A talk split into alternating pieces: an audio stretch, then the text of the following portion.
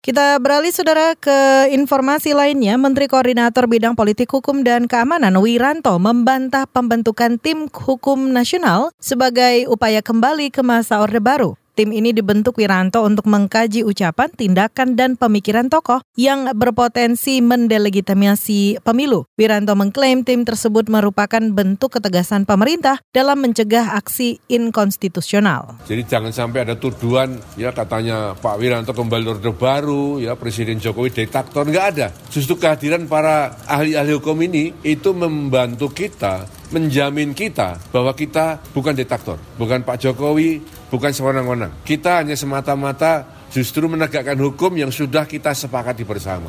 Menko Polhukam Wiranto menambahkan tim hukum nasional telah bekerja sejak kemarin. Tim tersebut terdiri dari pakar hukum sebanyak 22 orang. Namun Wiranto tidak menutup kemungkinan bakal akan ada penambahan anggota.